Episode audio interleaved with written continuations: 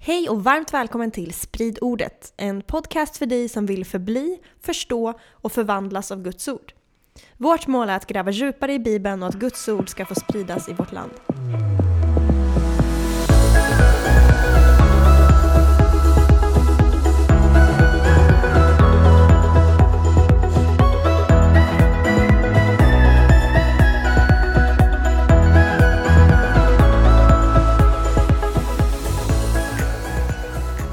Yes! Det är ett nytt år, det är ett nytt avsnitt och håll i er, det är en ny serie. Ta-da! Ja, men inte nya personer. Nej, jag är ledsen. Ni som hade hoppats, ni får dras med oss Eller är det en ny. Jenny 2023? Nej, Nej, nej. nej. Det är jag. Det är du. Behöver inte oroliga. Du är lika rolig, Lika- lika, vis. Mm. Sure. sure thing.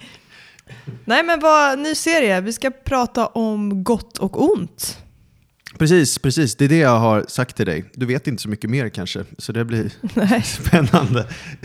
nej, nej men, men det är så här att jag, jag har tänkt mycket på det här konceptet med gott och ont och typ urskiljning som kristen generellt de senaste månaderna, ganska mycket, eller kanske senaste året rent utav. Så här. Och jag har läst väldigt mycket av Bibelns första kapitel så där, och tänkt mycket på det och känner att jag ändå fyllt mig med jättemycket så här kunskap, eller vad ska jag säga, tankar och idéer som jag vill bolla med dig här. Och sen så bara spelar vi in dem på en podd och eh, skickar ut i, Till våra stackars lyssnare. ja, i världen. Liksom. Nej, men, och, och varför jag valt den här serien Gott och ont, det är också för att det känns som att jag har också massa lösa trådar och saker i luften jag skulle vilja få grepp på mer. Så här.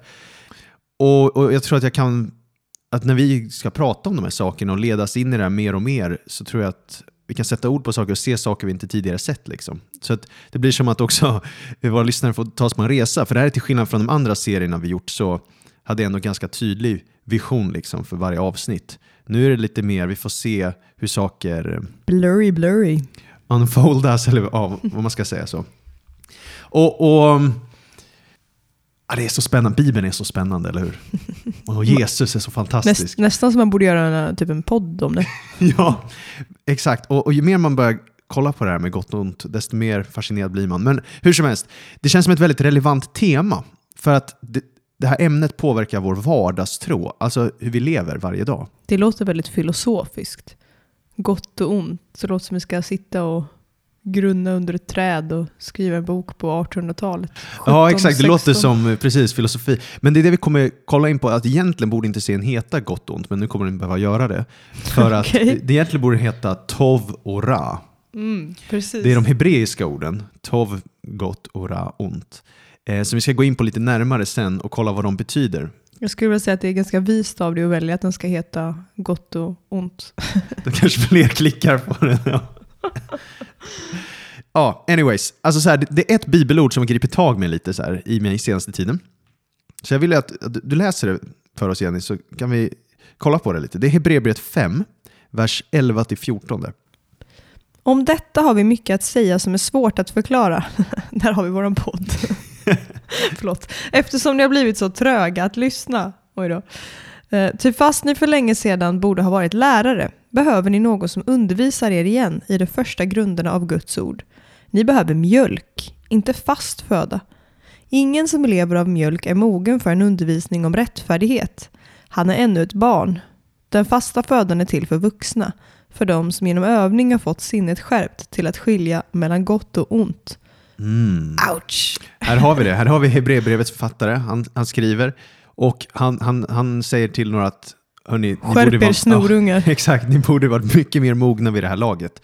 Men det han säger är att ni borde vara mer mogen i er tro. Men han säger att det, ni blir mogna genom övning får ni ett sinne skärpt till att skilja mellan gott och ont. Alltså när man växer i sin förståelse om gott och ont, Då är man mogen. då är man mer mogen. Och det är därför jag känt att jag vill göra den här serien, för jag vill bli mer mogen. Du har gjort Eh, ett väldigt bra val.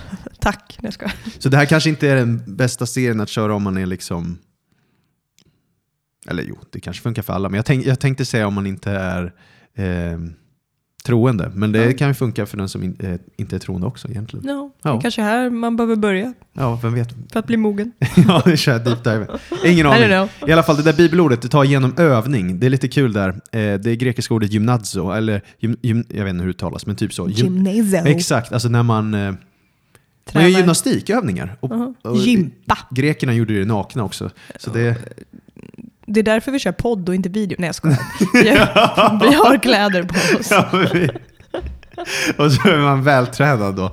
Eh, om man vill träna, Förhoppningsvis. poängen är i alla fall att när man tränar, eller hur? Det behöver man göra regelbundet för att liksom, muskelmassan ska växa. Jag tror att det är samma sak när, när det kommer till att förstå gott och ont, urskilja. Liksom, Vad har det här med att vara naken att göra? Eh, jo men vet du vad? Vi, du kommer märka att det har med naken att göra i nästa nej. avsnitt. Jag kommer inte ta upp det nu men Vi kommer aldrig när vi är lyssnare i, som nästa i, avsnitt. i första Mosebok kapitel 1-3, du kommer märka att det har med naken att göra mycket mer än du anar. Gott och ont har mycket mer med nakenhet att göra än du någonsin förstått. Det spårar ur här. Nej det gör inte, jag är seriös nu faktiskt. Okej. Jag är helt seriös. Ja, men i alla fall, man tränas naturligtvis i att urskilja gott och ont i real life situationer. Alltså när Med man kläder möter, på helst. när, man, när man ska göra beslut och urskilja så här. Och så ska man väga det då mot skriften och Guds andes ledning och så ska man försöka, vad är rätt beslut i det här? Vad är sanning? Vad är lögn? Vad är gott? Vad är ont? Vad är bra? Vad är dåligt? Och sådär. Alltså Mm. egentligen handlar det om beslutsfattande, kristet beslutsfattande. Hur man ska Urskiljning. leva sitt liv. Ja, urskiljning. Så det spännande är ju att de flesta människor har olika perspektiv om gott och ont. Så här. I vårt samhälle har vi vissa saker som vi ser som goda, medan i andra kulturer som skulle de inte alls se som goda. Till tvärtom. exempel julmust. Ja, ja. Då kanske inte det har en så Har du moralisk någonsin komponent. träffat en turist som gillar julmust? Det är, det är en bra poäng. En väldigt bra poäng. Men man kan också tänka typ så här, eh, ja men du vet, eh, om man bara jämför med hur det clashar med en kristen världsbild. Många människor idag ser Bibeln som ondskefull. Ja. Det var, det är ett tag sedan nu alltså, men det var, jag snubblade över typ ett poddavsnitt med de här influencersen Jocke och Jonna. Okej. Ja, det är fett random. Du bara råkar snubbla in Ja men på riktigt, jag brukar inte följa dem. Yeah right. Handen på hjärtat liksom. Men det var, för att, jo, det var för att jag såg att de skulle prata om Bibeln. Det var Ja. därför jag gick in på det. Och då Såklart. lyssnade jag på Vad det. lockar Petrus? Ja men exakt. Och då trashtalkade de Bibeln stenhårt liksom. Och eh, förklarade hur Gud är ondskefull. Ja just Och, det, du eh, visade det här för mig. Och, och liksom allt det här. Och de är ju långt ifrån ensamma om den uppfattningen. Mm. Det finns ju hur många ateistiska memes som helst på internet som gottar sig över hur ondskefull Bibeln är och hur korkad kristendomen är och hur Gud är ondskefull för att han dränkte eh, världen vid Noas flod och så vidare. Så vidare Mm. liksom. Eller alltså typ bara idag eh, i modernt samhälle, många tycker att kristen sexualetik är ondskefullt. Liksom. Mm. Man, Eller bara en sån Mm. grej som eh, i, i många kulturer så är det självklart att man är rak och tydlig och säger oj vad tjock du har blivit. Till exempel. Eller oj, eh, har du gått upp i vikt? Det är liksom självklart i vissa kulturer att säga. Medan om någon skulle gå fram och säga så till någon i Sverige, bara, du, du ser lite tjock ut idag. Då tycker man absolut att det är aselakt. Men ja, i en annan precis, kultur precis. Man har olika liksom, perspektiv av vad som är gott och vad som är ont. Ja. Exakt, exakt. Det är det som är poängen här. Eh, om någon tycker det är gott att dyrka den muslimska guden Allah, någon Ja. tycker det är gott att dyrka en hinduisk gud, eh, och, någon, och vi Ja. kristna tycker det är några syndigt stycken att göra det. hinduiska gudar. Ja, ja, precis. Sådär. Och då blir det så här, hur ska man förhålla sig till det här? För människor har ju olika definitioner av gott och ont, rätt och fel, bra och dåligt och så vidare. Ja. Medan vi som kristna, vi tror ju att det då finns en levande Gud som skapat världen. Ja. Han har talat och talar än idag till oss genom sitt ord och sin ande. Och genom det kan vi urskilja gott och ont, rätt och fel, bra och dåligt. Och så, men utan hans vägledning kommer vi gå på villovägar då. Mm. För kristen lära är liksom att vi alla i vår natur är eh, bänna åt att gå fel håll. Liksom. Mm. Yes, ja, bra. Så jag tänker att vi ska hoppa in i Bibeln helt enkelt. Men innan det så vill jag bara läsa ett bibelord jag läst många gånger på podden. Och det är Apostlagärningarna 17.11. Där det står att judarna i Berea var mer öppna än de i Thessalonika. De tog emot ordet med all villighet och forskade dagligen i skrifterna för att se om det kunde förhålla sig så. Alltså de tog emot allt som sades, öppet, öppet sinne, var redo att lyssna på det, men prövade det själva. Mm. Det är det vi vill säga med det här också. Lyssna på det här, ta in det, sup in det, låt det inspirera dig att gräva själv djupare i ordet och se om det vi säger stämmer eller inte. Det hade varit fantastiskt om de här slutsatserna vi kommer till i den här serien blir bara, ett, eh, bara en inspo och sen så hit- hittar man något ännu bä- bättre liksom, än vad vi har gjort. Ja, vi behöver ju kroppen så att säga. Tugga maten innan du sväljer. Exakt, exakt. Nej, men precis. Och ingen har all, allt rätt, för då skulle man titta på den personen istället för Jesus. Så. Amen. Kul.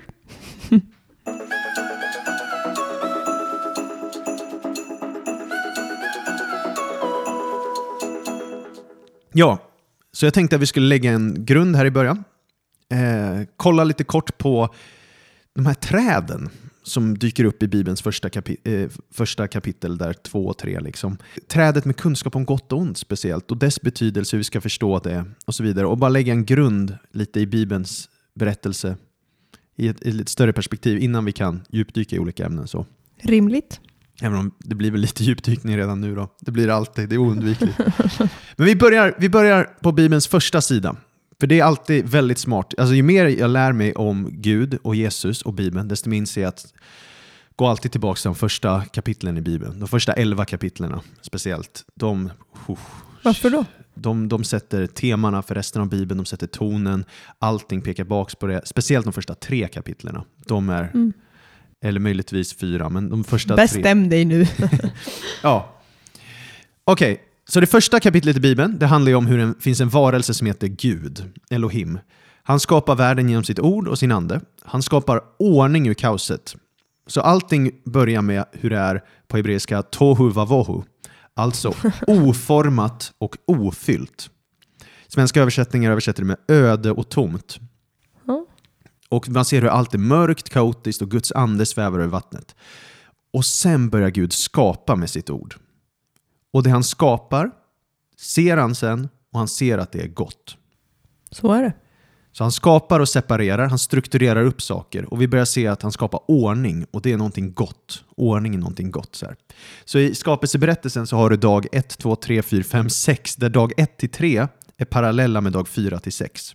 Dag 1 matchar dag 4, dag 2 matchar dag 5, dag 3 matchar dag 6. Det har vi pratat om tidigare. Och de dag 1, 2, 3 handlar mycket om hur han formar saker och dag 4 till 6 handlar om hur han fyller dem. Det är därför i början är tohu vavohu, oformat, ofyllt. Huh. Så dag 1 så skiljer han ljuset från mörkret och dag 4 skapar han det stora och lilla ljuset och stjärnorna. Dag 2 skiljer han vatten från vatten, skapar himmel och hav. Och dag 5 skapar han ju då fåglar och fiskar. Så han fyller det han skapat liksom. Och sen dag 3 skiljer han vattnet från marken, skapar torrt land och skapar växter. Och dag 6 skapar han markdjuren och människorna. Och så människan blir då i hans avbild. Man och kvinna reflekterar och ska representera Gud på jorden. Så vi, mänskligheten, man och kvinna, ska regera över jorden, lägga den under oss, vara fruktsamma och föröka oss, uppfylla jorden. Och så tittar Gud på allt det här och säger att allt var mycket gott. Och sen vilar han på sjunde dagen. Då chillar han. Då chillar han, precis så är det. Så direkt i Bibelns första kapitel, då har vi konceptet godhet, alltså gott. Det är därför jag tar upp det här. För det är gott. Han skapar en god skapelse, eller hur? Skapelsen är god. Och sen vilar han. Hypotetiskt sett skulle ju Gud kunna skapa mycket mer. Han skulle kunna skapa saker för evigt. Han kunde ju ha gjort ehm, hästar med vingar. Gjorde han inte det då? Jag vet, inte vad jag vet. Men hänger du med? Han, han kunde gjort så mycket mer. Men han skapade det här och så sa han, det här är nog. Nu räcker det. Exakt. För, och det blir som att direkt visa Bibeln också att det är något gott med gränser. Gränser är någonting gott i hans goda värld. Mm. Det är gott att hav är hav, det är gott att land är land, det är gott att man är, eh, saker reproduc- reproducerar sig efter sitt slag och så vidare. Så gränser är något gott, inget är bra om det är gränslöst. Liksom så här. Ehm, och så introduceras vi att bara ordning är gott, ehm, kreativiteten är god. Ja, men hänger du med? Liksom? Yes. Sen kommer vi då till kapitel 2. Och här får vi då ett annat perspektiv på världen, eller hur? Där får vi se mer men, den mänskliga naturen och våra förutsättningar här på jorden. Och så kommer vi även introduceras nu för första gången till det som inte är gott också. För tidigare har vi bara sett det som är gott. Ju. Även om i början var det ju öde och tomt. Mm. Och det var ju kanske inte så gott. Det är därför Gud skapar något gott från det. Alltså det står inte att det var ont. Det gör det inte. Det gör det inte. Så vi vet inte. Nej, men eh, det verkar nästan vara så. Ja, och eftersom jag har pratat så mycket, du kanske Har du någon minne? Så, jag vet. Tveksamt. Men vi kan Vart en prova lång lite. vecka. Om du kommer ihåg, typ, ja, det har, ja du har haft en tuff jobbvecka. Men, eh, om, om en typ så här, om du kommer ihåg ungefär, hur är Eden-berättelsen? Liksom? Gud skapar människa. Han hänger med dem. Han skapar bara en människa. Ja, först skapar han en stackars man, Mm. helt kvinnolös. Och sen är han ledsen och övergiven och ensam och kan inte ta hand om världen själv. Så han behöver en Gary. Så Gud skapar en Gary. Och vänta, vi måste, du hoppar över väldigt mycket här. För att han skapar mannen, Ja. sen placerar han honom i Edens Och det här skulle jag Trädgård. komma ihåg. paradis. Ja, Denna absolut. lilla detalj. Det är jätteviktigt. Han placeras in i Eden, Eden. som är någon form av paradis. garden paradise. Ja, exakt. Ett löftesland kan vi säga. Mm. Och där får han käka vad han vill, exakt. förutom från ett träd. Som är trädet kunskapen om gott och ont. Precis. Så första budet är njut av allt det här jag gett dig. Ät allt. Men Inte det här trädet. du kan förstöra gåvan. Det finns ett träd med kunskap om gott och ont. Ät inte det, för då dör du. Eller hur? Mm. Och sen direkt efter det så säger Gud så här, som du kom in på, att det är inte gott för mannen att vara ensam. Så då skapar han kvinnan. Han tar ett revben från mannen, Nej, en, ja, hebreiskan säger sida faktiskt. sida Ja, och det mannen. begreppet är ordet, för den som är intresserad, så är det begreppet som dyker upp ofta om byggnadskonstruktioner. En sida på en byggnadskonstruktion. Och, Så det skulle kunna vara revben. Precis, men det känns som att det är väldigt... Ja. Egentligen är det hans halva. Man tror Ja. nästan... Många eh, judar tror att det handlar om halva Oj. mannen. Liksom bara, ja, exakt. av. Och han skapar, hon, hon kallas av Gud en Ezer Kenegdo. Och det betyder Ezer är hjälpare. Och bara fun fact för den som lyssnar här så är Ezer används nästan bara om Gud i Bibeln. Det är alltså en hjälp, Who run the world girl? ja, det är alltså en hjälp, en hjälp, en hjälp som alltså, du inte klarar dig själv utan. Det är, alltså, alltid när Gud kommer med frälsning typ, då är han en Ezer, en hjälpare. Hur skulle du klara den här podden liksom och du var själv utan mig? Nej precis, så är det. Du är det absolut liksom? en eser. Men jag menar i, i, i narrativet här vi läste Jenny, så är det ändå så att mannen har fått en befallning att liksom eh, vara fruktsam förökare uppfyll jorden. Och det är svårt att göra själv. Det klarar han inte utan en kvinna. Det är lite det som är poängen också. Det är inte bara så här, ja, det, det säger, versen säger inte det, det är inte gott att eh, vara singel. Det är inte vad Bibeln versen Nu sa säger. du att det inte är gott att vara singel. Bibeln säger inte att det inte är gott Exakt, att singel. exakt. Alltså det är inget fel med att vara singel. Precis, precis. Det är bra. Du är min hjälpare här. Förtydliga vad jag säger, min ezer. Nej, men, och det är därför. Så det blir som att kvinnan blir nästan som en frälsning, en ezer, en övernaturlig hjälp som behövs för att fullborda I like where kallelsen. you're going with this. Så att det är verkligen så. En övernaturlig hjälp liksom. So you gotta be grateful. Och då är poängen att de ska regera världen tillsammans. Eller hur? De ska, de ska odla och ta hand om trädgården. De ska vara trädgårdsmästarparet. Och implikationen i berättelsen, om man ser kapitel 1, 2, 3 som en enhet, vilket jag är övertygad om att man ska göra, även om det är två olika skapelseberättelser, så är det Mm. väldigt tydligt att de är sammansatta av flera skäl. Jag orkar inte gå in på alla skäl varför. Det är till exempel sådana här som kritiserar Bibeln. De älskar att poängtera att det är två olika skapelseberättelser. Att det kommer från olika källor, så att kapitel 1 är helt annorlunda från kapitel 2 och 3. Men man ser ändå en tydlig koherens i berättelsen vill jag bara säga här. Och till exempel det som Gud välsignar inte markdjuren, till exempel i kapitel 1. Och det kommer vara väldigt relevant för sen kommer han förbanna ett markdjur kapitel 2 och 3. Och det kommer vara massa sådana här teman som är överlappande så att man ser att de berättelserna är sammansatta i narrativet här. Och, och de är ju till för teologi, inte för ett eh, kameraövervakningsperspektiv om hur världen blev till. Liksom. Det var väldigt tydligt med det också, för de, om man skulle bara läsa dem rakt upp och ner som narrativ, då går de inte att förena direkt. Nej, men det här skulle vi inte gå in på sa du? Nej. Nej, släpp det nu. Släpp det nu, okej, okej, okej. Ja precis, de ska regera världen, de ska sprida eden till hela världen basically. De ska följa Guds bud och ledas av honom. Right, men vad händer då Jenny?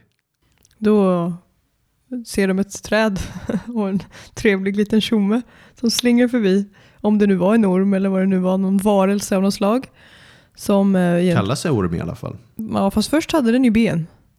Ja men alltså jag menar ordet för att beskriva Jaha, ja, ja, ormen. ja, ja. Anyway, eh, som bara tycker att, hörni, har Gud verkligen sagt att ni ska eh, inte äta av det här trädet? Och så bara, Gud säger bara så för, och liksom planterar massa lögner. Gud Mm. säger så för att eh, ni inte ska, vad säger han? Ni ska inte, ehm, han vill regera själv. Alltså, han, han, säger ju, han säger ju så här att den dag, han, Gud har sagt att ni kommer dö när ni Just gör det. Ormen säger att ni kommer inte dö när ni gör det. Till exempel. Eller han säger att Gud vill bara undanhålla det här för er. För att han vet att när ni gör det kommer ni bli som Elohim, som Gud, med kunskap om gott och ont. Så Gud vill bara undanhålla er det goda. Så Eva bara, mm, frukt, gott. Precis. Jag har alltid tänkt att ormen är någon form av kopparödla. För kopparödlan, den som vi har i Sverige, Mm. det är en ödla fast utan ben. Ja. Och den är en ödla för att den kan blinka. Inga ormar kan blinka. Så jag tänker alltid att det är en ödla och att sen tog Gud bort benen och då blev det liksom en orm fast det är egentligen en ödla. Ja, alltså på... Det kom, jag, det kom jag på när jag var barn i alla fall. ja, det, det finns mycket djupare symbolik bakom det också. Men om jag vill bara förstärka din teori, Ja. nu tror inte jag det var det, men om Vad jag bara vill förstärka om? din teori så är ju faktiskt hebreiska ordet för koppar eh, nechoshet. Och det, det, det har samma ordrot som nachash som är orm. Så Haha. att koppar och orm har samma ordrot på hebreiska. Och ändå tror du inte på min teori att det var någon form av kopparödla. Det, jag, jag, jag skulle säga så här, Bibeln har extremt många djupa lager. Så på ett plan handlar det här om en orm, på ett annat plan handlar det om en himmelsk varelse. För att, eh, som är i tronrummet. Så här. Eh, och, Och det är en liten främmande tanke för många tror jag. Vad tänker du där? eh, till exempel när Jesaja har en syn och så är han i tronrummet i himlen. Då ser han något som heter serafer. Och serafer, eh, det hebreiska ordet indikerar också typ av ormar. Så att alltså, och det var ett ganska vanligt koncept på eh, främre orientens tänkande, alltså det, det området Mm. runt omkring där i Mellanöstern på den tiden, att man tänkte att i tronrummet, Guds tronrum, så fanns det sådana här väktare, keruber. Mm. Och vissa av dem såg ut som ormar bland annat. Ja, så någon form av orm som kanske var någon form av himmelskt väsen eller ett djur. Eller en kopparödla. Anyway, Det, Plantera det, det massa finns flera lögner. lager, Bi- Ja. Bibeln har flera lager. Så att, ja, i alla fall, plantera massa lögner. De, ingen snäll tjomme helt enkelt. Eller hur? De tar frukten, de käkar, deras ögon öppnas, de ser att de är Näck. nakna. Kommer du ihåg här? Vi prat, Ja. hade en lång naken diskussion här för några minuter sedan. Vi kommer komma in mer på det i nästa avsnitt. Men sen blir de ju, får, Obehagligt. blir, de, de går och gömmer sig. Gud och Gud bara, hallå vad håller ni på med? Var är ni någonstans? Mm. kommer en vind och det är Gud som kommer och, de bara, ah! Vi är nakna! Och Gud bara, ej, vem har sagt att ni är nakna? Det, blev värsta så här barn-storytellingen från din sida plötsligt. Ja, men är det någon nu som inte lyssnar? Nej, det vet jag inte. Nej, precis. Men ja, och sen så får de ett straff, eller hur? Eller eh, De konsekvenser blir utkastade ur Eden och det ställs väktare utanför Eden. Bye bye. Exakt, och ormen får konsekvenser. Han får inga ben, för han är en koppare. Precis som han ska Orm. käka igen. Och han ska käka jord resten av sitt liv. Gott. Eh, och så har du mannen, han ska ju arbeta i sin anletes svett och allt Just det där. det. och, kvinnan, ska ska ha... föda barn och ha ont typ. Ja, precis. Men där, jag bara slänger ut den och någon annan får studera det djupare om de vill. Men hebreiska ordet där, som ofta översätts med smärta, att man ska med smärta bli havande eller mödan ska vara stor när man blir havande och smärta föda sina barn. Det är egentligen ett ord som ofta översätts emotionell sorg på hebreiska. Till sorg. Så det verkar snarare som att det, att hon kom, det tillståndet hon nu kommer bli gravid genom och föda sina barn kommer vara sorg. Så det behöver inte nödvändigtvis ha med att hon kommer ha ont när hon föder barn att göra. Och jag som alltid har skylt på Eva när jag har mensvärk. Ja, Varför okej. ska hon ha sorg när hon föder barn? Ja, Men för att nu är deras tillstånd har blivit mycket värre då. Alltså de, för de lämnar Eden och då så kommer det vara eh, i vilket tillstånd de lever i nu i världen. Liksom. Det kommer alltid vara väldigt jobbiga omständigheter. Ja. Hänger du med? Så att man vill inte föda in ett barn i världen. Jo, man vill det, men det kommer vara tungt. Liksom. Ja. Och det där skulle vi kunna djupdyka mycket mer i, men jag slängde Men bara ut det som en inte. parentes. Jenny. Ja, i alla fall. Du ser, du, ser, du ser det här. Alltså. Fångar går dem. inte att uttömma första Mosebok kapitel 1, 2, 3 djup. Alltså. Ju mer man studerar desto mer chockerad blir man, eller ja, chockad blir jag. Och det är så sjukt egentligen om du tänker det Jenny, bara så här, du det är typ 25 verser eller 24 verser i respektive kapitel, kapitel 2 och 3. Mm. Och den handlar om det som förändrade hela mänsklighetens historia. Man tycker ju att det borde vara lite mer Hello! Men det är det som är så spännande med Bibeln. Det är så många lager, det är som skiktad, eller vad ska man kalla det? Det är, det är så mycket text i den på så kort. Och det finns så många koder och sånt att knäcka och mönster. Och, ja, det kommer bli jättespännande där. Men bara, det finns en häftig chiasm där också. Hur, ja, vi behöver inte gå in på det faktiskt. Eh, Jag bara såg du Ja. såg att jag skulle ställa en fråga och du bara nej. Ja, vi tar inte det. Nej. Utan vi gör så här istället. Vad är konstigt med berättelsen kring Adam, Eva och ormen? Finns det några elefanter i rummet liksom som vi kanske skulle behöva ventilera om man bara läser? Det är en bekant berättelse för många, men om man bara så reflekterar. Det är ganska sjuka grejer ändå som händer där. Hur blev det en fabel? Alltså, det är inte så många gånger jag har träffat ett talande djur. Ja, du menar så. Ja, hur det blev en talande orm. Ja. Vad är grejen med det liksom? Kunde djuren Mm. prata för? Mm. Eller pratar de på julaftons natt? Vi ska prata om det nästa gång tänkte jag. Ja. Det är lite konstigt. Mm. Eh, sen är det också lite konstigt va- varför är det dumt att äta eller va- varför är kunskapen om gott och ont dumt? Precis. Det är ju en väldigt bra fråga. Och ehm, ja, det var det jag tänkte skulle vara vårt introsnack här. Eller intro, Ha, vet du, yes! avsnitt. Så vi kan ju svara eh, på den frågan direkt höll jag på att säga. Ehm, Det finns ju massa fler frågor också kring texten. Men om vi bara tänker på det då. Kunskap om gott och ont. Trädet med kunskap om gott och ont. För det första, ganska konstigt namn för ett träd. Men Bibeln kallar det det. Och det är ju antagligen för att den förmedlar kunskap om gott och ont, eller hur? Mhm. Så varför fick de inte äta av det? Exakt. Varför skulle Gud vilja förneka dem den typen av kunskap? Är det inte bra med kunskap om gott och ont? Så man vet vad man ska göra och inte göra och så vidare. Jo. Da, da. Tänk dig en värld där människor inte vet om rätt och fel. Förresten, jag uh, hittade en, uh, hittade en dator inne hos grannen innan jag tog den. ja, precis. Det skulle ju bli en helt sociopatisk värld. Tänk dig om en äh, mänsklighet med alla de här, eller en person bara, med de förmågor vi, vi kopplar till att vara människa. Men utan förmågan att förstå rätt och fel. Så att han kanske bara slaktar människor med en yxa på samma sätt som vi, en vanlig människa hugger ner träd. Alltså fattar du? Mm. Psykopatvärld. Vem vill ha ett sånt samhälle? Vem vill ha en värld utan kunskap om gott Så och ont? därför kan ju inte trädet betyda det. Med andra ord. Nej. Och det här är ju då, det finns det en del teorier liksom så här. En del tänker, okej, hmm, eh, det, var någon som föreslog så här, en frestande väg ut ur problemet, det skulle ju vara att man antyder på något sätt att allt var en setup från Guds sida. Alltså att Gud ville att människor skulle ha kunskapen som trädet skulle ge dem.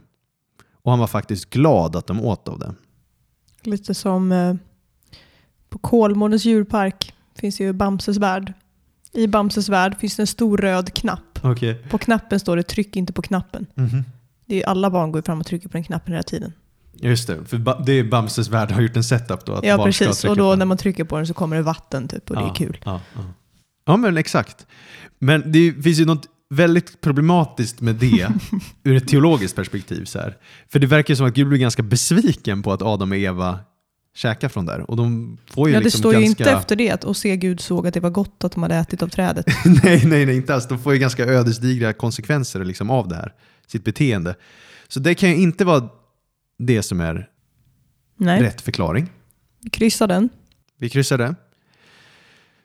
Och sen, men om vi går lite djupare så här. Om man tänker så här, tänk, tänk efter Jenny, är inte själva existensen av trädet nästan en motsägelse till berättelsen? Vad jag menar med det är, vad hände direkt efter att Adam och Eva äter av trädet vars mystiska frukt ska ge dem kunskap om gott och ont? Jo, Gud blir upprörd på dem Mm. och det blir deras handlingar får konsekvenser. Mhm. Det förutsätter ju någonstans att de visste att de gjorde fel, för Gud hade ju instruerat dem innan att de inte fick göra det. Mm. Det borde innebära att Adam och Eva hade viss kunskap om gott och ont innan de åt av trädet. Så de var inte korkade. Eller hur? Men då blir det så här, hmm, har vi inte fastnat nu lite? Jo, För om Adam och Eva redan anade typ gott och ont innan de sträckte sig efter frukten, då hade de väl typ det som trädet skulle ge dem. så du menar, Och det att, skulle betyda att trädet var värdelöst, eller? så du menar att de i och med att de kunde resonera om att det var fel att äta av trädet sen Mm. innan och att lyda Guds röst Mm. är något gott så borde de redan ha kunskap om vad som är gott och ont. Precis. Och därför är frågan, vad betyder trädet? Exakt. Så nu har vi ett spännande dilemma. Ta upp det här med era söndagsskoleelever. Och det här dilemmat kan ju ge många sömnlösa nätter. Det är därför du har varit så trött på sistone. För så länge man inte fattar det här så förstår man ju inte berättelsen. Nej, så sluta håll på det. Okej, okej. Det, det jag är ganska övertygad om, med hjälp av framförallt teologen Tim Mackis förståelse av det här, Det är Är- Bible Project-snubben om ni har ja, precis, sett precis, precis. det är att trädet verkar handla om hur de skaffar sig kunskap om gott och ont. det. Ooh. Och det är här det blir väldigt spännande. För hur har berättelsen sett ut innan de käkar från trädet om kunskap om gott och ont? Jo, kapitel 1 sa vi ju att Gud skapar en god värld där han ser att det var gott. Och sen kommer vi till kapitel 2. Och då introduceras vi för första gången till något som inte är gott. Vad var det? Att mannen är ensam. Kommer du ihåg det? Mm, Ja. Så vi ser att Gud här visar gott, goda saker och det som inte är gott. Så Adam blir introducerad om saker som är gott och inte gott av Gud redan. Mm. Eller hur? Och då är källan Gud. Mhm. Och det är liksom, han lyder Gud att inte äta från frukten. Precis. Så då är precis. alltid källan att man lyssnar på Gud. Så nu börjar vi komma närmare sanningen här, eller hur? För det blir också så här, om vi verkligen tänker efter, när Adam och Eva är tillsammans och de har befallningen att vara fruktsamma, föröka sig, uppfyll jorden, lägg den under er, regera på jorden, var kungar, var drottning, var kung och drottning över skapelsen. Allt det här. För att kunna regera behöver man ju vishet, för vishet är ju att kunna fatta goda beslut. Ja. Inte bara om gott och ont, utan också om vad som är bra och dåligt. Liksom. Mm. Och det är ju det här som är undertonen i berättelsen. Att de, att de ska på något sätt sprida Eden till hela världen. Eden är bara en liten del av jorden. Det är ett högt berg, en mötesplats mellan himmel och jord. Så människorna ska sprida det vidare till hela jorden. Eller specifikt trädgården i Eden också. Om man ska vara specifik i sin terminologi. Är inte det samma sak? Det är inte det. Nej.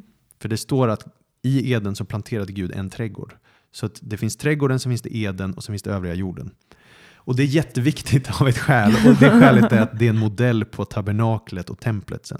För då blir trädgården som det heliga eh, och Eden blir som förgården och sen blir övriga jorden som övriga jord, jo- jorden eller Ja. eh, landet Israel kan man också se det som. Överkurs. Ja. Men i alla fall, så, att, så att jag ska bara läsa lite eh, parafraserat och översatt av något som Tim Mackey säger. Då, så här. I första Mosebok 1 är Gud ensam försörjare och vetare om vad som är bra och inte bra. Det vill säga, han har visdomen att veta vad som är nödvändigt för att mänskligheten ska kunna uppfylla sin roll som Guds partners i trädgårdsskötandet av hela skapelsen. Denna värdiga roll för människorna kommer dock med ett stort ansvar och val. Kommer de lära sig visdom av Gud eller kommer de ta den för sig själva? För i den goda trädgården finns träd fyllda med frukt att äta och odla och mitt i trädgården, från vilken floden rinner, finns livets träd. Livets träd är en bild av Guds ultimata gåva till skapelsen, möjligheten att ta del av och ta emot Guds egen godhet och liv i sig själv. Men fortlöpande tillgång till livets träd är villkorat av att man inte tar, kunskap, eh, tar från kunskapens träd om tov och ra, alltså gott och ont på hebreiska. Mm. Och så skriver han så här, eller ja, skriver jag, jag har översatt. Jag, Han säger. Ja, han, eh, alltså så här. Testet handlar om vem vi kommer lita på. För att veta skillnaden mellan det bra och det dåliga. Kommer vi att lita på att Gud kommer leda oss in i den kunskapen? Eller kommer vi bestämma oss för att avgöra vad som är rätt i vår egen bedömning? Mm. För Ordspråksboken 1 lär oss att fruktan för Herren är början till visdom. Ordspråksboken 9.10. Och början på Guds befallningar till Israels folk är att de ska lyssna till honom. Mm. Se till exempel 5 Mosebok 6.4. Så sann visdom finns i att lyssna på och lita på Gud. Spännande, eller hur? Ja. För det spännande är att när kvinnan blir lurad av ormen så tittar hon på frukten och så ser hon att den är god. Den var fröjd för ögat och lockande eftersom man fick förstånd av den. Mm. Eller vishet av den. Och det blir som att då först när kvinnan ser att det är gott, det är lite i kontrast hur Gud såg att det var gott sju gånger i första berättelsen ju. Mm. Men nu den här gången ser kvinnan att det är gott. Hon bestämmer definition. Exakt. Hon har åtrå till det, hon får begär till det. Och vad kvinnan ser skapar ett begär. Hon vill ha det som dödar henne. Men hon förstår ju inte det, liksom, för annars skulle hon kanske inte vilja ha det. ja. Och hon omfamnar då ormens alternativa narrativ helt enkelt. Hon tror ormens lögner. Så istället för att inse att hennes sanna liksom längtan kommer bara bli uppfylld att lita på Gud och äta av livets träd, så misstar hon trädets skönhet. Liksom och tror att det är det som ska ge det hon vill ha. Så man, på ett sätt kan man säga att hon vill ha det skapade istället för skaparen. Mm. Så det handlar om vad man, vem, hur man definierar gott och ont. Är det genom vad jag själv liksom frestas av, mina egna begär, eller låter jag Gud bestämma vad som är gott och ont? Ja, precis. precis. Liksom, vad är din källa? Eh, vad, från vilken källa får du din visdom? Är det från ormen eller är det från ditt eget hjärta? Alltså, Mm. Är det viset nerifrån eller från Gud? För Gud vill ju att människorna ska bli något mer. Men hur och på vilket sätt? Antingen kan man ju ta det för sig själva och göra på sitt sätt, eller genom att låta Gud göra det. då. Och liksom Tim Mackey då, han, han visar också så här, eh, hur han kommer till de här slutsatserna. Det är bland annat genom att analysera frasen kunskap om gott och ont. De gånger det dyker upp i hebreiska bibeln. Mhm. Det dyker upp tre gånger utöver den gången i första Mosebok. Tre gånger. Så jag tänkte vi ska läsa dem här nu. Yes. Det ena är femte Mosebok 1.39. Och era barn, som ni sa skulle bli fiendens byte, och era söner som idag varken förstår gott eller ont, de ska komma dit in. Och de ska ge landet och de ska ta det i besittning. Så här talar det om barn som inte förstår gott eller ont. Alltså de är Ja. i, i någon form av tillstånd av oskuld, eller vad ska vi kalla det? Naivitet? Ja, precis. De har liksom inte kunskaper om gott och ont. De är i någon form av moraliskt eh, barnatillstånd. Typ. Mm. Vi tar andra gången den här frasen kunskap om gott och ont dyker upp. Det är första kungaboken 3, 7-9. Du, Herre min Gud, har gjort din tjänare till kung efter min fader David. Men jag är bara en ung man, jag vet varken ut eller in. Din tjänare är här bland ditt folk som du har utvalt. Ett folk så stort och talrikt att de inte kan räknas på grund av sin mängd. Ge din tjänare ett lydigt hjärta så att han kan vara domare för ditt folk och skilja mellan gott och ont. För vem kan annars vara domare för detta ditt stora folk? Så här är Salomo, kung Salomo. Han har precis blivit kung, han vill be. Han ber till Gud och han vill då, han säger jag är en ung man. Jag vet varken ut eller in. Och han ber om ett hjärta som gör att han kan skilja, alltså kunskap om gott och ont. Mm. Så återigen har vi det här omogenheten. Mo- mognadsfasen. Liksom. att få kunskap om gott och ont. Och sista gången det dyker upp i hebreiska bibeln är Jesaja 7, 15-16. Gräddmjölk och honung ska han äta till dess han förstår att förkasta det onda och välja det goda. Ty innan pojken förstår att förkasta det onda och välja det goda ska det land för vars båda kungar du ängslas över. Äng, ska det land för vars båda kungar du ängslas vara övergivet. Sorry. Ja, hur som helst, poängen är att det här är Immanuel det talar om och att han ska, han kommer vara barn, till slut kommer han växa upp och då kommer han förkasta det onda och välja det goda. Han kommer förstå, ha kunskap eh, att förkasta det onda och välja det goda.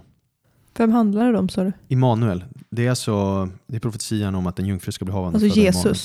Ja, bland annat. Det är återigen profetier i många lager, så det är inte bara det. Men det är en av aspekterna. Hur som helst, så vi ser att frasen är i relation till att lämna barnaskap, ett till, tillstånd av okunskap eh, eller, och, så där, och istället bli mogen och växa upp. Att växa upp är att kunna ta ställning i frågan gott och ont. Ja. Vilket innebär att man också kommer att hållas ansvarig för det. Och det var ju det vi läste i Hebreerbrevet. Mm. Det är samma sak, lämna barnaskapet. Väx upp nu. Ni ska kunna urskilja. Ni som Käka kristna, mat. ni ska veta vad som är rätt och fel, ni ska veta vad som är gott och ont, ni ska veta vad som är bra och dåligt och så vidare. Eller hur? Så spännande. Så därför handlar det här om visdom, vishet i beslutsfattande. För att kunna fatta beslut så bör man kunna skilja mellan saker. Och nu kommer vi då till den här ökända frasen gott och ont. Och det är problematiskt, för du sa i början att gott och ont är typ i stil med Filosofiskt. filosofiskt. Ja. Och det var bra att du tog upp det, för att det blir ju, problemet är att de svenska orden förmedlar ju inte exakt vad de hebreiska vill förmedla. Vad säger tov och ra då? Ja, precis. Så om, om vi tänker tov, det är ju gott. Det, det kan ju betyda det som är moraliskt och etiskt gott. Mm.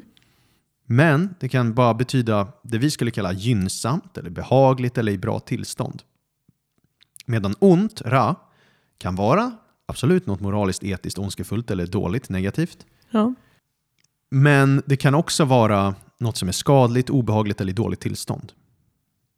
Och jag ska ge exempel på det här så att vi hänger med. Typ så här. Men, men tänk dig, när vi, på svenska, det är nästan så här så när vi säger att något är ont eller ondskefullt, då brukar vi mest prata om mördare, han var ondskefull, eller Mm. folk som förgriper sig på barn, de är ondskefulla. Mm.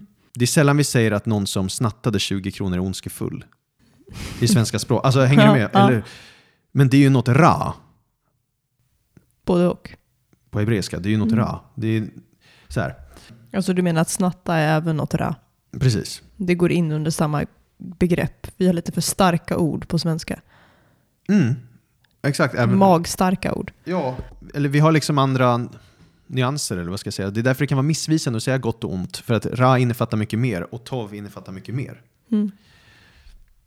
Man skulle också kunna säga att, ja, men du vet, man skulle kunna säga att socker är tov och ra. Det är gott, det är alltså tov, det smakar gott. Men det är ra, för det är inte bra för hälsan. Är det därför jag mår illa nu? Jag käkade för mycket naturgodis. Vilket man kan egentligen säga om kunskapens träd om gott och ont.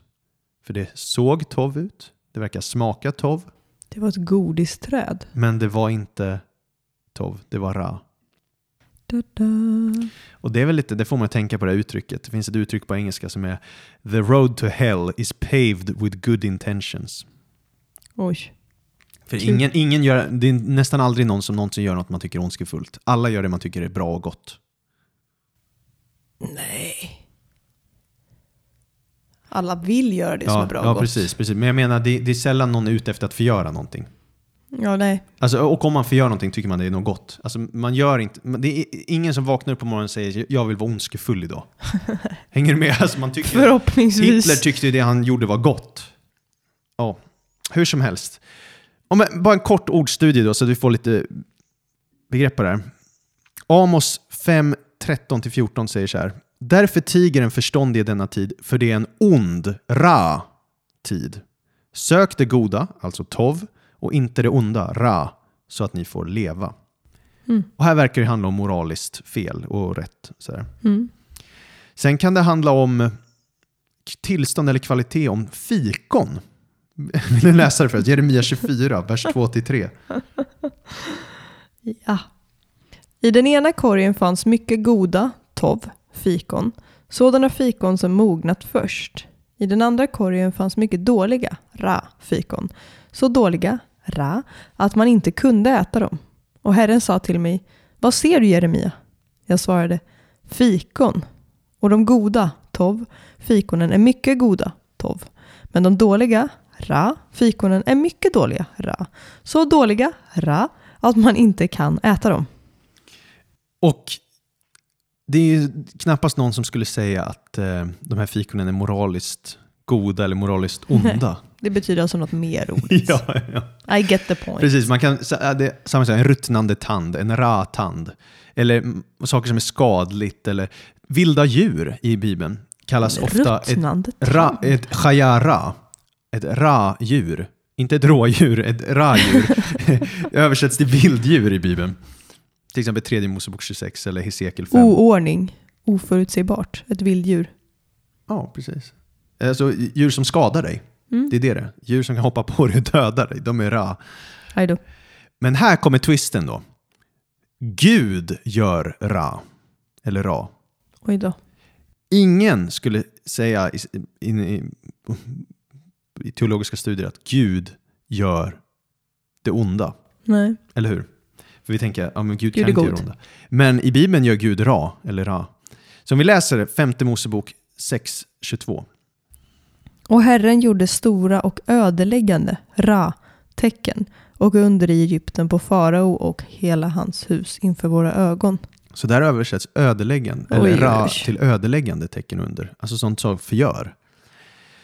Eller Jesaja 45.7, där står det att Gud danar ljuset, skapar mörkret, jag ger lycka, shalom, och skapar olycka, Ra. Jag, Herren, gör allt detta. Så Gud skapar Ra. Vad jobbigt allt blev nu. Och här är Ra inte bara i kontrast till Tov, utan kontrast till Shalom. Alltså välgång, frid och ordning. Mm. Så Ra är då olycka, kaos, förstörelse. Det finns också i Jeremia 18, ja, tiden springer iväg så vi behöver inte gå in på det, men det handlar där om att Gud säger att om ett folk, ett hedna folk, vänder om från sin ondska, sin Ra, och ångrar det, ra, eh, då kommer jag, Gud, ångra det Ra jag tänkt göra mot dem. Okej. Förstår du? Ja. Och om man gör det som är ra i mina ögon, alltså Guds ögon, så att man inte hör min röst, då ångrar jag det tov, som goda som jag tänkt att jag ville göra för dem. Så han, ångrar han hade tänkt göra både Ra och Tov mot dem. Precis, alltså om de gör gott vill han välsigna dem, om de gör ont så kommer det Ra. ra. Och ra är ju då inte alltså moralisk ondska, men det är till exempel förstörelse eller dom. Gud vill inte komma med dom, men när han gör det, när han kommer med ra, så är det ju något gott, moraliskt gott. Mm. Men det är något Ra. negativt. det är något negativt, precis. Det positivt och negativt. Det är något bra eller dåligt. Alltså att bli förstörd, att få sin stad förstörd, det är inte något bra, det är något dåligt. Mm. Men det kan vara något moraliskt gott. Mhm. Hänger du med Mm. komplexiteten så? Så vi ser att det är, det är begrepp som inte riktigt vi översätter helt enkelt. Mm. Men man fattar ändå innebörden, eller hur? Tov och Ra. När Ja. vi har gått igenom det så här. Och tov är Jo, det är något gott, det är något behagligt, något bra, något vackert, något vänligt, någon bra karaktär, bra värde, moraliskt gott, något som gagnar. Mm. Vi behöver inte gå igenom alla bibelord, liksom, men jag tror det är viktigt att ha med sig. Liksom. För då, då behöver man inte bli så nervös när man, om, någon, om någon hittar bara ah, Gud gör det onda. Typ. Gud gör ra. Mm. Det betyder inte att han gör moralisk ondska. Han gör något rättvist men det är en negativ konsekvens för något. Exakt. Till exempel, och så vidare. Så efter att ha definierat Tovora så ser vi att trädet med kunskap om Tovora handlar om vishet. För begreppen är så breda, så de ger en förmåga att fatta beslut. Det är det som är kunskap om Tovora. För att när vi kommer tillbaka till trädet så ser ju Eva att trädet gjorde en vis eller gav förstånd. Så trädet ger en urskiljning av vad som är bra och dåligt. Och det är ju vishet. Så frågan är vilken slags vishet det är. Är det gudomlig vishet eller är det någon annan sorts vishet? Och vi har ju sett här när vi kollat igenom bibelord att det inte är något dåligt med kunskap om gott och ont. Men det finns ett sätt att lära känna tov och ra på som kommer leda till döden. Vi såg ju att kunskap inte är något dåligt. När Salomo ber om vishet och kunna urskilja gott och ont, det är inget dåligt. Så du får fortsätta plugga, du som gör det. Ja, precis. Vi såg ju det också i Testamentet, i Hebreerbrevet, alltså skaffa den här urskiljningen. Frågan är ju bara hur du förvärvar det. Ja, för konsekvensen av då att man, tänker det låter kanske lite otydligt hela grejen, men konsekvensen av att man inte lyssnar in Gud, det är ju att man själv definierar vad som är gott och ont. Ja. Och där ser vi ju hela historien, att någon ser, precis som du läste, eller som du sa om Eva, hon såg, hon liksom fick begär till något och hon tog. Och där har vi ju hela mänsklighetens syndiga historia. Att så här, åh, den här staden vill jag ha. Jag gör ett svärd, vad bra, och så tar jag det, den Mm. staden. Eller, åh, vad bra att vi kan kriga mot det här landet och vilka fina smycken de har. Ja. De tar vi. Exakt. Alltså då är det, det, det är gott. Ja. Jag ser att smyckena är goda och därför tar jag dem.